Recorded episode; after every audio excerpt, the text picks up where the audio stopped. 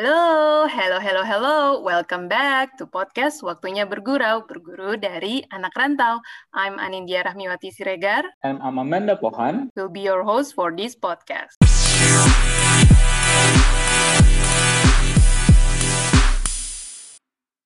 Halo, selamat datang kembali di podcast Waktunya Bergurau, guys. Halo. Selamat datang, selamat datang, selamat datang di episode terbaru dari podcast Waktunya Bergurau, berguru ya. dari anak rantau. Tenang banget ya, nanti kita bisa kembali di episode terbaru. Dan yes. semakin banyak cerita yang ingin kita berikan dan kita uh, bagikan kepada teman bergurau ya, Nat ya. Pastinya dong, dan kita balik lagi ada selalu mengingatkan 3M. Apa aja tuh, Dak? 3M, Dak? Jadi teman bergaru jangan lupa untuk menjaga jarak, menggunakan ya. masker, dan juga mencuci tangan. Mencuci tangan. ya, karena kita masih mencoba untuk terbiasa dengan new normal ya pastinya. Dan tetap podcast ini juga karena masih PSBB, jadi kita masih menggunakan uh, taping dengan conference call. Jadi ya. kalau misalnya suaranya agak naik turun, mohon dimaklumi saja. Oke. Okay. Gitu. Jangan lupa Nat, jangan lupa Nat kita juga masih minta nih feedback serta yeah. masukan dari teman bergurau melalui Instagram kita di @podcast waktunya bergurau. Yeah. Dan teman bergurau juga bisa menyaksikan seluruh episode kita di Spotify maupun juga di YouTube channel kita di podcast waktunya bergurau ya Nat ya. Ya, betul banget. Oke, kalau gitu kita mulai aja nih yang episode kali ini. Kita punya special guest ya, Ada ya, karena Iya, dan kita hari ini melanglang buana lagi. Jadi kemarin kita udah sempet uh, apa namanya ngobrol sama di US, terus udah gitu di uh, Australia, sama di uh, Middle East bahkan ya, Dak ya. Sekarang kita akan ke UK. Jadi um, uh, bintang tamu kita uh, udah kuliah dulu di UK, uh, di London. Uh, mungkin nanti uh, akan share lebih detailnya lagi. Dan sekarang uh, apa bintang tamu kita juga uh, bisnis, membuat bisnis. Uh, jadi uh, kita langsung ngobrol aja kali ya sama bintang tamu kita. Udah sabar banget nih kita dengar cerita dan perjuangannya serta usaha-usaha yang sedang dibangun Nat. Kalau gitu kita langsung saja ya. perkenalkan ya. bintang tamu kita hari ini ada Gadis Sadika. Halo Dis. Halo Ani. Halo. Halo gadis sehat, sehat Dis? Alhamdulillah. Ini uh, gadis lagi hamil, jadi alhamdulillah lo masih mau jadi bintang tamu kita juga loh. Jadi Terima kasih sekali. Agak, lalu mulai karena kalau jam segitu sebenarnya lagi mual, jadi. Oh, Oke, okay. kita terima kasih lo dikasih waktunya. Mungkin kita langsung ngobrol-ngobrol aja ya kalau gitu ya. Iya dong, ayo. Inilah dia episode kita yang ini baru di podcast Waktunya Bergurau Berguru dari Anak Rantau.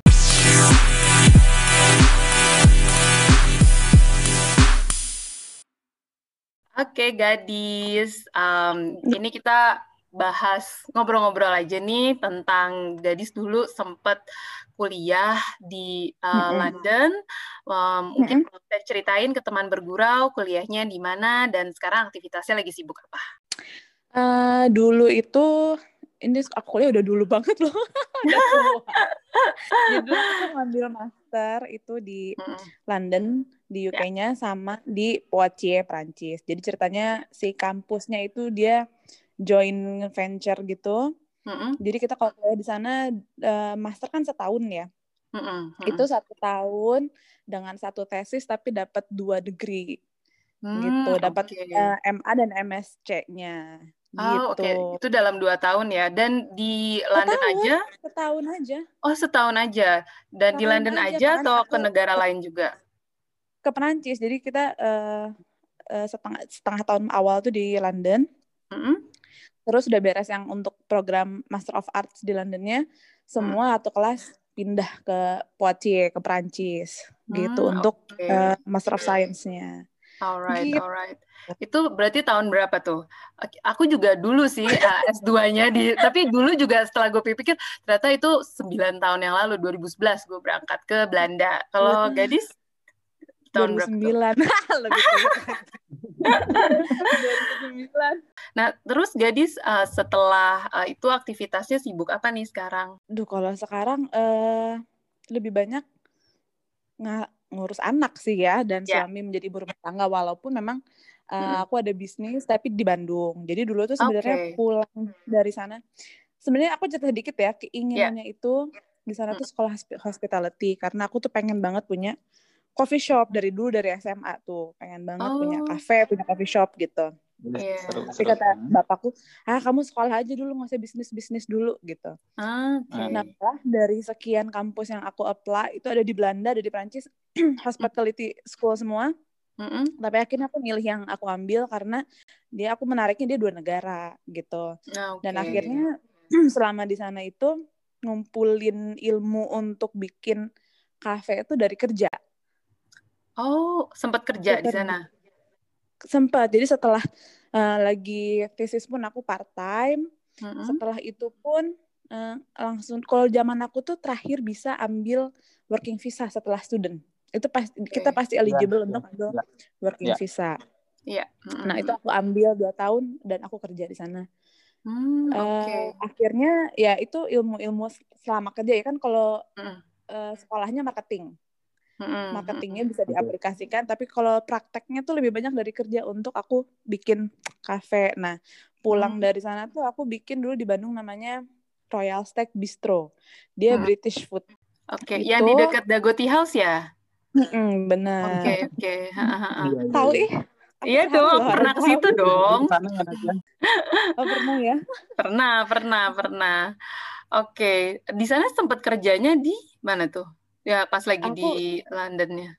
Aku sempat kerja di uh, Sketch nama namanya. Semua rumah makan ya, semua rumah makan. Hmm. Uh, sketch itu di Oxford situ, terus ah, okay. pernah juga di uh, namanya Embassy Mayfair itu restoran walaupun namanya Embassy ya kan.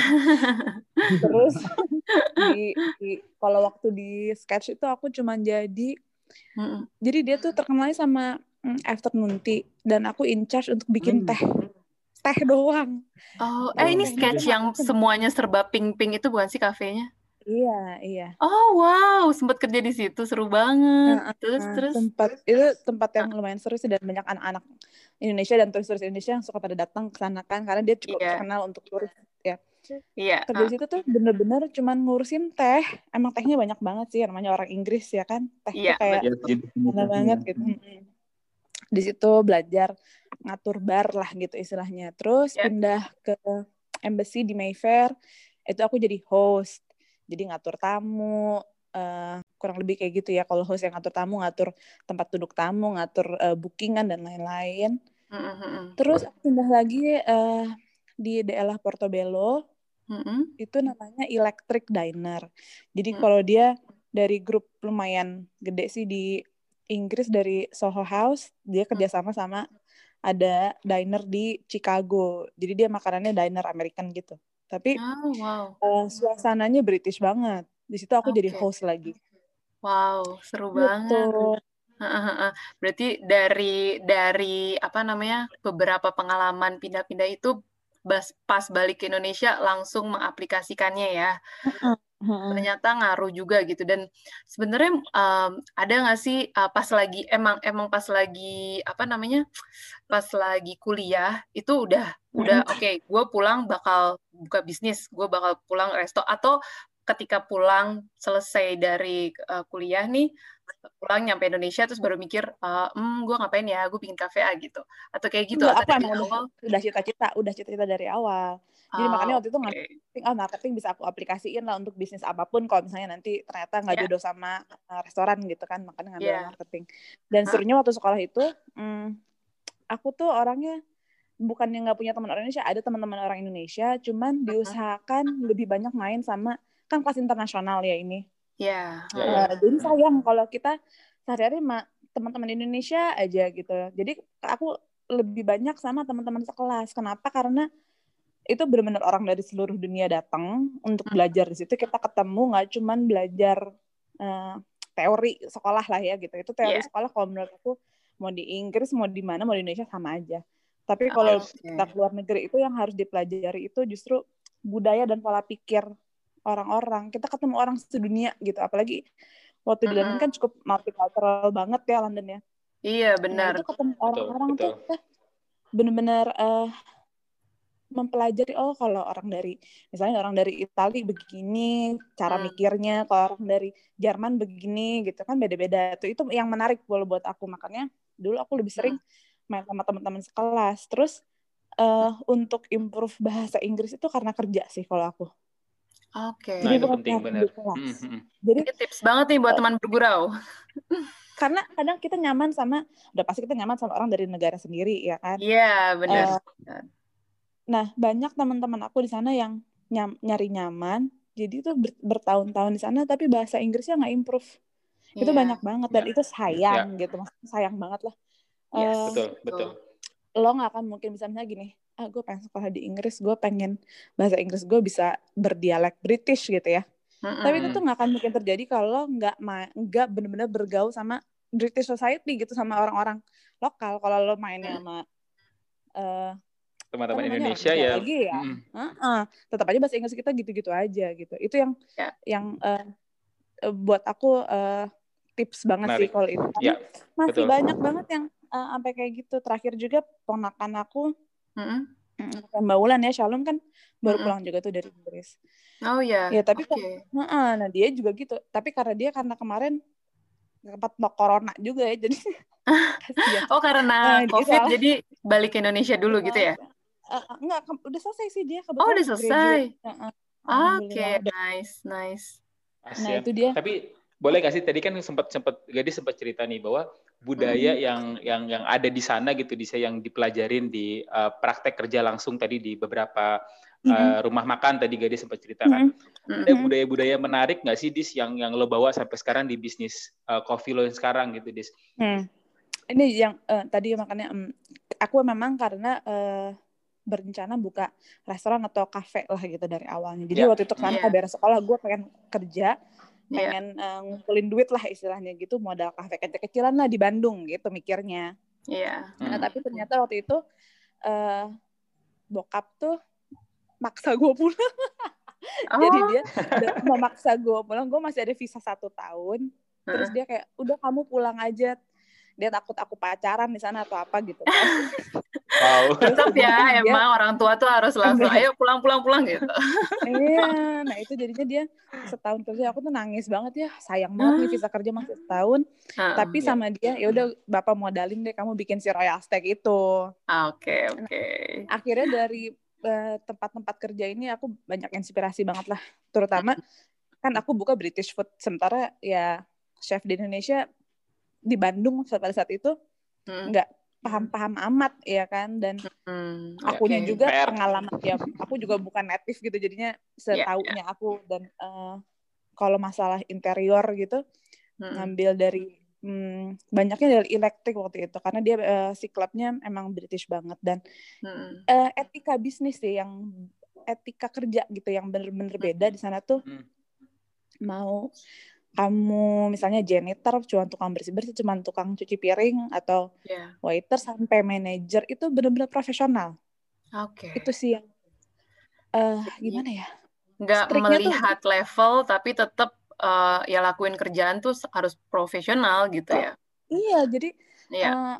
Iya. uh, nggak kayak kalau misalnya di sini makanya aku kadang suka sebel kayak waktu dulu banyak hal-hal yang aku ajarin ke pegawai-pegawai dulu di Royasek dan sekarang di Cultivar juga itu apa yang aku diajarin sama manajer-manajer aku di sana gitu uh-uh. jadi uh, apa ya profesional nggak boleh tuh kalau misalnya ada lagi kita lagi servis waktu servis gitu ya maksudnya itu nggak boleh kita yang nyender duduk tuh nggak boleh ya lo kerja hmm. gitu lo harus sigap selalu yes. gitu selama lo kerja ntar lo istirahat lo istirahat terus okay. uh, eh, wow. mau ya gitu deh pokoknya apa ya harus strict berarti ya jadi nggak ada tuh kayak misalnya di restoran sini aku suka lihat lagi banyak tamu terus waitersnya ngobrol ketawa-ketawa cekikan itu nggak ada yeah. di iya. sana ah, kalau bisa pulang saat itu juga ternyata itu ngaruh juga ya buat customer nah itu tuh teman iya, bergurau iya, penting tuh benar dan dan kita sebagai customernya juga pasti kan lebih lebih merasa uh, appreciate kali ya ngelihat kalau yeah. misalkan yeah. si budaya si budaya kafenya tersebut sangat profesional gitu jadi semua yeah. semua bekerja dengan profesional ya Dis ya iya iya banget banget kalau di sana itu yang pengen walaupun memang uh, uh, nggak gampang ya yeah. karena kan saat aku buka Royal Stack maupun Cultivar sekarang Iya, mm yang orang yang aku rekrut pasti dia sudah pernah kerja di tempat mm. lain, jadi mereka pasti punya kebiasaan di tempat lama itu yang susah banget untuk di uh, disamain sama di sana gitu loh harus nggak uh, bisa yeah. itu pasti ngaruh nggak banget sih buat boleh leha-leha insolvensi. walaupun sepi misalnya sepi Mm-mm. nih restorannya kan ada saat-saat kita sepi Iya, ya lo nggak boleh yang ngobrol duduk itu nggak boleh bersih-bersih kayak apa apa pun yang bisa dikerjain yang berhubungan dengan pekerjaan gitu iya benar. Oke, itu itu berarti kita dapat highlight lagi nih untuk teman bergurau ya yang mau Iya. berbisnis di F&B ini bahwa profesionalisme itu sangat penting ya dalam penting dalam banget men-serve maupun untuk uh, menjaga bisnisnya sendiri ya Dis ya. Mm-mm. iya iya dong banget Tapi boleh nggak sih Dis, gue mau tahu dong. Tadi kan lo sempat cerita bahwa uh, lo sempat menjalani pertama tuh di Royal Tech ya, Royal Stack tadi, dan Ah, sekarang lo Stack. bikin uh, bikin cultivar coffee nih, Dis. Hmm. Budaya itu sama nggak sih Dis yang lo bawa antara keduanya itu Dis? Apa lo tetap atau lo justru di cultivar ini lo masih bisa improvement mana yang belum lo lakukan di Royal Stack sebelumnya gitu Dis? Hmm, Eh, by the way, Eh, beda. Cultivar Coffee sekarang di Bandung ada restonya juga kan ya? Jadi nggak Iya, hanya coffee cuma shop. coffee. Jadi buat teman-teman bergerak perlu dicek juga nih kalau misalnya lagi di Bandung. boleh dong Nah, harus harus dicoba. Lokasinya itu ada di Jalan Anggrek nomor 34 Nah, itu teman bergerak. Hmm. Jadi ada banyak makanan. Oke, lanjut lanjut lanjut. Nah, jadi eh, beda. Kar- kenapa beda? Karena Hmm. nature service-nya beda. Kalau Royal Steak itu proper restoran. Hmm. Jadi apa-apanya harus lebih proper dan lebih eh, lebih strict gitu dari cara Ya. penyajian waiters. Aku mencoba untuk walaupun bukan restoran fine dining, tapi eh, harus benar cara menyajikan. Misalnya sesimpel saat mengantar makanan pesanan tamu Mm-mm. Hmm. itu sama gua nggak boleh dia nanya lagi ini makanannya siapa. Hmm. Karena Oke, kan jadi oke. setiap waiters tuh udah di assign nih. eh, Iya. kamu meja nomor segini-segini, kamu meja nomor segini hari ini gitu. Berarti Iya. kan dia yang take order. Nah, dia harus tahu itu orderannya siapa. Jadi kalau nanya Oke. lagi pasti gue marahin. Kenapa lo nanya lagi? Karena orang kadang kalau gue sebagai customer suka kesel. Iya. Yes. Harus tahu dan ngasih pun dari sebelah mana. Nggak bisa lo ngasih di tengah meja. Lo harus ngasih dari sebelah kanan tamu misalnya gitu.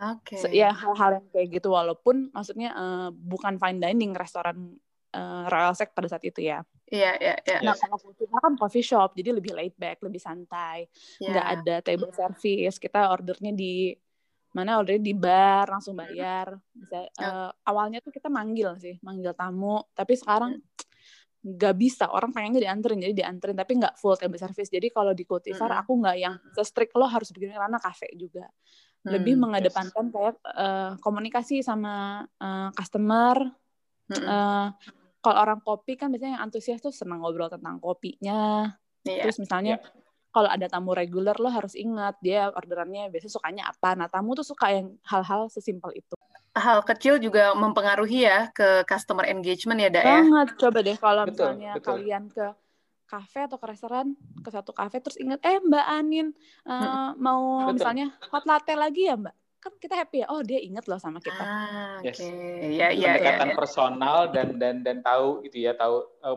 apa Iya. customer ini bu- ya jadi kayak, kayak loyalty customer lah ya jadi kita Iya, diterima iya, tuh iya. sebagai yes itu itu itu sangat itu dan apalagi nih jadi kalau gue tuh paling suka kalau di tempat yang dia bisa cerita tentang produk knowledge-nya sih kayak coffee Nah, gitu. jadi itu. bisa, kita bisa share tentang kopinya kita dia bisa ngasih informasi ini kopinya ini Ya. ini ini gitu itu itu sangat sangat luar biasa sih bis Nah, cuman kalau aku menyayangkannya di Cultivar ini karena aku nikah dan dibawa ke Jakarta sama suami, jadi aku tuh nggak bisa yang hands on setiap hari ada di Cultivar seperti aku waktu ada di Royal Stack gitu. Oh, kalau waktu di iya. Royal Stack tuh aku bener-bener ada di situ, aku yang baca Iya. order, aku yang nganterin makanan, yang bener-bener involved. Jadi saat aku ngasih tahu waiters, mereka tuh nggak ah ini bos ngomong doang gitu.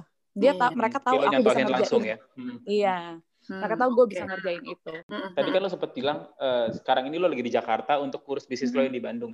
Ada cerita Hmm. menarik nggak sih di susahnya atau tantangannya lo Iya. menjalanin bisnis ini? Kalau di. Jakarta bisnisnya di Bandung gitu. Itu susah banget, susah banget. dan Bayang sih. untungnya ada partner jadi kan cultivar itu gue nggak Oke. sendiri ada ada sahabat juga ada keluarga juga Ya. termasuk mbak Ulan termasuk di dalamnya Mm-mm. nah jadi eh, untungnya ada sahabat aku ini Yuke di Bandung partner aku yang eh, mengawasi dari operasionalnya gitu kalau Mm. dulu waktu di Bandung sih aku bisa setiap hari ke cultivar gitu dan untuk. Oke. Hmm. eh, kayaknya eh, buat aku pribadi ya Mm-mm. untuk menjalankan bisnis F&B itu nggak bisa sih beda kota begini. Aku Hmm. makanya agak agak stres apalagi kalau kemarin kan masih bisa bolak-balik. Mm-mm. Sekarang corona Yes. gini dan aku hamil ada anak, aduh Iya, Stres iya, iya. banget nih, jauh banget dari bisnis gimana ya? Susah itu harus karena mm, bisnis itu ada soul kita. Kalau kita yeah. tinggalin, setuju. Mm. kosong gitu istilahnya ya gitu. Yeah, Walaupun yeah. kita ada mm. ada partner kita, tapi mm. kalau ada semuanya di sana tuh lebih berasa. Soalnya kadang pegawai aku bu kalau ibu datang sama Bu Yoke datang tuh malah rame gitu. Ada yeah. begitu begitunya deh iya iya iya iya iya oke. Kayak nah, ada aja gitu ya. kayaknya mindahin kultivar ke Jakarta tuh gue pengen banget. Ayo dong dibuka nah, cabangnya di Jakarta. gue juga baru mau nanya itu sih gitu. pulang, jadi aku bisa menjalankan project di Jakarta ya. Amin amin. Segera ya Amin. Nah, uh, by the way nih, uh, tadi kan Gadis sudah cerita banyak tentang kultivar juga ya sekarang yang um, memang masih di Bandung, tapi kita tidak menutup kemungkinan akan buka di Jakarta juga kan ya pastinya. Ya. Nah, uh, ada nggak sih sebenarnya uh, coffee shop di London mungkin yang jadi inspirasinya Gadis gitu ketika uh, udah mulai uh, pas lagi mulai cultivar uh, coffee shop ini? Aduh, kalau inspirasi dan itu banyak banget Anin karena iya, pasti aku aja ya. gak bisa. London karena tuh. yang lucunya kalau di sana itu yang aku suka hmm. ya dari culture mereka tuh hmm. jadi setiap coffee shop kecil kayak misalnya kita nih misalnya aku tinggal di Lebak Bulus ada coffee shop hmm. Lebak Bulus itu rame sama orang Lebak Bulus gitu. Iya, kalau di Jakarta kan kalau kita kan nggak ya rame yang lagi hits mau kita rumahnya mau Tuh, di ujung yeah. sana juga kita ke hmm. tempat yang hits kalau yeah. di sana tuh semua lokal coffee shop itu punya ciri khas masing-masing, punya lucunya masing-masing, dan selalu ramai sama orang lokal. Itu ah. yang gue suka banget. Jadi mm, yeah, yeah, yeah. kayak suamiku kan gede di sana. Yeah. Dia bilang kita kalau ke tempat lokal cafe atau lokal pub misalnya gitu, ya pasti mm. ketemu tetangga-tetangga. Jadi uh, sense of community-nya tuh berasa banget gitu. Itu yang yes. uh, menginspirasi aku walaupun hmm. waktu walaupun kalau di Jakarta kayaknya susah di Bandung sih agak mending tuh bisa dibawa tuh si uh, sense lokalnessnya hmm. jadi waktu itu emang ya. kultivar yeah. tuh hmm. awalnya kita pengen semuanya lokal dari yeah. supplier kopi apa kita nggak pakai kopi dari mana-mana kita pakai kopi Indonesia orang luar negeri aja pakai kopi Indonesia gitu hmm. jadi kita benar semuanya uh, lokal nggak uh, okay. kalau kita ada kolaborasi makanan nih chef hmm. misalnya itu orang lokal. Jadi kalau misalnya kadang suka datang juga di Kultivar tuh uh, ibu-ibu misalnya jualan kue, Bu, hmm. saya mau masukin ke Kultivar. Yang kayak gitu-gitu ngerti gak sih yang ah, lebih yeah. ke uh, ya menggait lokal gitu ya. Lokal. Iya gitu. Hmm. Okay. Seru sih itu seru. Menarik banget ya ternyata ya kita juga harus apalagi dalam kondisi kayak gini ya kita harus saling berkolaborasi hmm. juga uh, hmm. untuk semua usaha-usaha uh, UKM-UKM juga gitu kan ya. Betul, saling bahu membahu ya untuk menghadapi si iya, pandemi ini ya. Iya, iya. Siapa iya, lagi iya. yang bantu kalau kita tidak saling membantu ya kan? Betul, Betul banget. Betul. Luar biasa. Tapi berarti dis, uh, untuk cultivar coffee sendiri saat ini nih untuk di tengah kondisi pandemi kayak sekarang ini dis uh, hmm. ada nggak sih uh, uh, masukan untuk teman bergurau yang mungkin saat ini bisnisnya sedang terdampak pandemi juga nih, Dis? Mungkin dari dari Cultivar Coffee sendiri, gimana sih menghadapi pandemi ini di sekarang, Dis? Itu jujur gue nggak bisa ngasih tips karena gue juga Di semuanya juga lagi berusaha ya, gadis ya. Semua berusaha. Jadi ya tapi, apa ya? Tapi mungkin kan ya, itu aja sih. Mm -hmm. Saling saling beli jual, jualan temen deh gitu istilahnya ngerti gak sih? Nah kan temen-temen yes. kita banyak yang jualan yeah. juga. Saling beli jualan temen aja dulu deh gitu. Yeah. Kalau menurut aku sih. Jadi saling dan, jadi saling bahu membahu dan saling mm -mm. saling membantu lah ya. Soalnya kita belum pernah kan generasi ini. kita belum pernah Betul. ngalamin hal kayak gini. Jadi gue juga nggak bisa. Yeah. Oh gue ngasih tips nggak bisa karena gue juga bingung. Tapi mungkin Tapi kultivar ada, sendiri. Hmm. Uh -uh ada kolaborasi gitu mungkin gadis yes. atau oh, inovasi-inovasi uh, apa sama, gitu. Kita lagi collab sama Brule. Brule oh, wow. Jakarta kan wow, okay. dia hits kadang-kadang ke Bandung harus apa namanya? Uh, waiting list dan lain-lain pre-ordernya lama. Nah, akhirnya kebetulan ada salah satu teman komplek tuh kan jadi teman-teman juga nih yang emang kerja tuh, di kan, Brule. Iya. Oke. Okay. Jadi gue bilang gue mau dong berulai di Bandung. Nah, akhirnya mereka tuh memang rencana mengeluarkan personal size. Nah, sekarang hmm. ada di hmm. Cultivar gitu. Ya. Hmm, yang berulai bisa di Cultivar itu ready. Wow, gitu. itu luar biasa loh. Karena kan sekarang orang-orang kayak antar kota juga ya kebanyakan sih yang hits tuh di Jakarta kan. Tapi sebenarnya kan Indonesia iya. bukan Jakarta doang kan. Bisa di Bandung, uh. bisa di Jogja gitu. Dan ya hmm apa namanya luar biasa sih kalau kamu udah bisa kolaborasi dengan Brule dan uh, membawa ke Bandung gitu. Mungkin nanti kan ke iya. next stopnya lagi ke mana gitu. luar biasa. Iya. Jadi bisa juga kita juga infoin juga nih untuk teman bergurau yang mungkin yeah. saat ini bisnisnya lagi terkena pandemi gitu ya. Mungkin salah iya. satunya yeah. cara untuk bertahan adalah kolaborasi dengan tidak hanya bisa. terikat di di tempat mereka ya atau di di, mm -hmm. uh, di areanya mereka gitu. Jadi mm -hmm. bisa melebar sedikit ke kota lain yang mungkin bisa diajak kolaborasi untuk sama-sama menghadapi pandemi ini mm -hmm. gitu ya. Soalnya sana kan delivery service banyak banget yang iya, bisa kita betul. manfaatkan. Yes. Betul. E-commerce juga gampang banget sekarang untuk jualan makanan, minuman. Uh, ya. Sebenarnya platformnya banyak lah kalau zaman sekarang. Iya. Jadi jarak tidak, men tidak menjadikan masalah ini sebenarnya ya. iya. Eh, boleh malah banyak banget loh bisnis yang booming gara-gara corona. Iya. Banyak banget. Betul, betul, betul. salah satunya. Hmm dan apa namanya ya Cultivar juga ngeluarin yang itu kan apa namanya packagingnya tuh bener-bener cute banget ya buat minum kopi kan kita biasanya pakai botol atau apa dan sekarang hmm. pakai yang lebih fleksibel gitu ya nah sebenarnya Cultivar satu liter itu udah ada dari dua tahun yang lalu Oh, wow. Jadi okay. si kopi tubuh satu liter itu aku udah dari dua tahun yang lalu, dari sebelum uh -uh. ada corona. Ah. Jujur aja tuh masih jarang yang jualan satu liter kan satu liter baru banyak. Iya. Yeah. Yes itu kita udah jualan sebenarnya pakai pouch okay. gitu jadi mm-hmm. belum ya cuma mungkin boomingnya baru sekarang keikutan nama yang lain sebenarnya kita udah ada dari dua tahun lalu tuh mungkin karena sekarang orang-orang pada work from home juga kan dis ya jadi hmm. pada butuh hmm. kopi sampai satu liter buat beberapa hari gitu ya iya, iya, iya. dan mengurangi ya, aku dulu dulu mikirnya kalau yang untuk satu liter itu kayak misalnya uh, di kantor nih nanti hmm. di kantor kan iya. kan bisa beli satu itu buat rame gitu loh aku oh iya benar juga sih ya, betul betul buat sharing. tea time tea time sama teman-teman nah. di kantor apa di rumah gitu ya, iya. ya bisa targetnya iya. seperti itu Iya. Oke, okay, luar biasa ngobrol-ngobrol kita uh, tentang kopi. Gue jadi pengen kopi nih abis ini. langsung, langsung kalau gitu. Nah, nah nanti gue weekend ini mau ke Bandung, jadi langsung nanti gue tag ya di Cultivar Coffee Shop. Aku tungguin ya.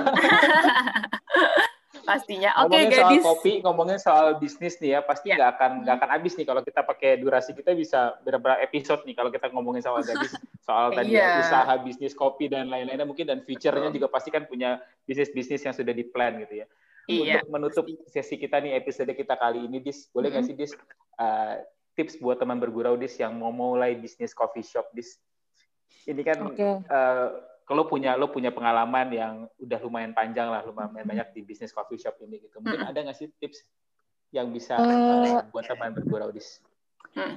Kalau menurut aku sekarang dengan uh, menjamurnya coffee shop, hmm. uh, persaingan semakin ketat. Sebenarnya yeah. kan rasa kopi ya nggak mungkin beda-beda yes. jauh lah ya rasa kopi itu. Cuman yeah. uh, lebih dipikirkan konsep uh, penyajian dan konsep uh, uh, area servisnya gitu. Misalnya hmm. indoor kah outdoor seperti apa yang bisa membedakan distinguish kalian dengan uh, pesaing-pesaing lainnya. Itu yang harus dibikin banget karena kalau misalnya kopinya aja mungkin belajar bikin kopi oke okay, bisa rasanya bisa enak sama dengan yang lain. Ya tapi apa yang membedakan kalian dari coffee shop lain? Itu yang harus benar-benar difikirkan kalau menurut aku. Oke. Okay. Diferensiasi tadi ya, perbedaan ya. tadi ya, hmm. Penting banget tuh. Iya. Terima kasih Gadis buat tipsnya. Sama-sama ya. dengan hati. Semoga Ini, bermanfaat. Terima kasih. Pasti, pasti banget sih buat teman-teman bergerak apalagi dalam kondisi kayak gini. Semoga kita semua tetap sehat dan tetap berinovasi dan tetap yeah. produktif yes. ya pastinya ya. Jadi mudah-mudahan setelah episode ini tayang akan ada bisnis coffee shop banyak lagi ya di Jakarta, Bandung dan semua kota setelah mendengarkan cerita inspirasi dari seorang gadis Adika ya nanti. Oke, sehat-sehat ya gadis. Semoga ya, sampai lahiran. Terima kasih juga untuk waktunya. Oke teman bergurau, kalau gitu terima kasih sekali lagi gadis atas waktunya bisa ngobrol-ngobrol bareng kita di episode kali ini. Jadi untuk teman bergurau jangan lupa untuk terus uh, bisa kasih kita masukan dan kita bisa uh, minta request Ya. Kira-kira topik apa dan bintang tamu siapa yang mau kita hadirkan di episode podcast kita bisa melalui DM kita di Instagram kita di @podcast waktunya bergurau. Pastinya. Jadi teman bergurau terus cek uh, uh, Instagram kita atau ke YouTube channel kita dan juga Spotify kita pastinya. Oke, okay, thank Betul. you for listening guys. Terima kasih Anindya Siregar. Amanda Pohan, jangan lupa dengerin terus our podcast Waktunya Bergurau, berguru dari anak rantau. Stay healthy guys. Bye bye. Bye. Thank you.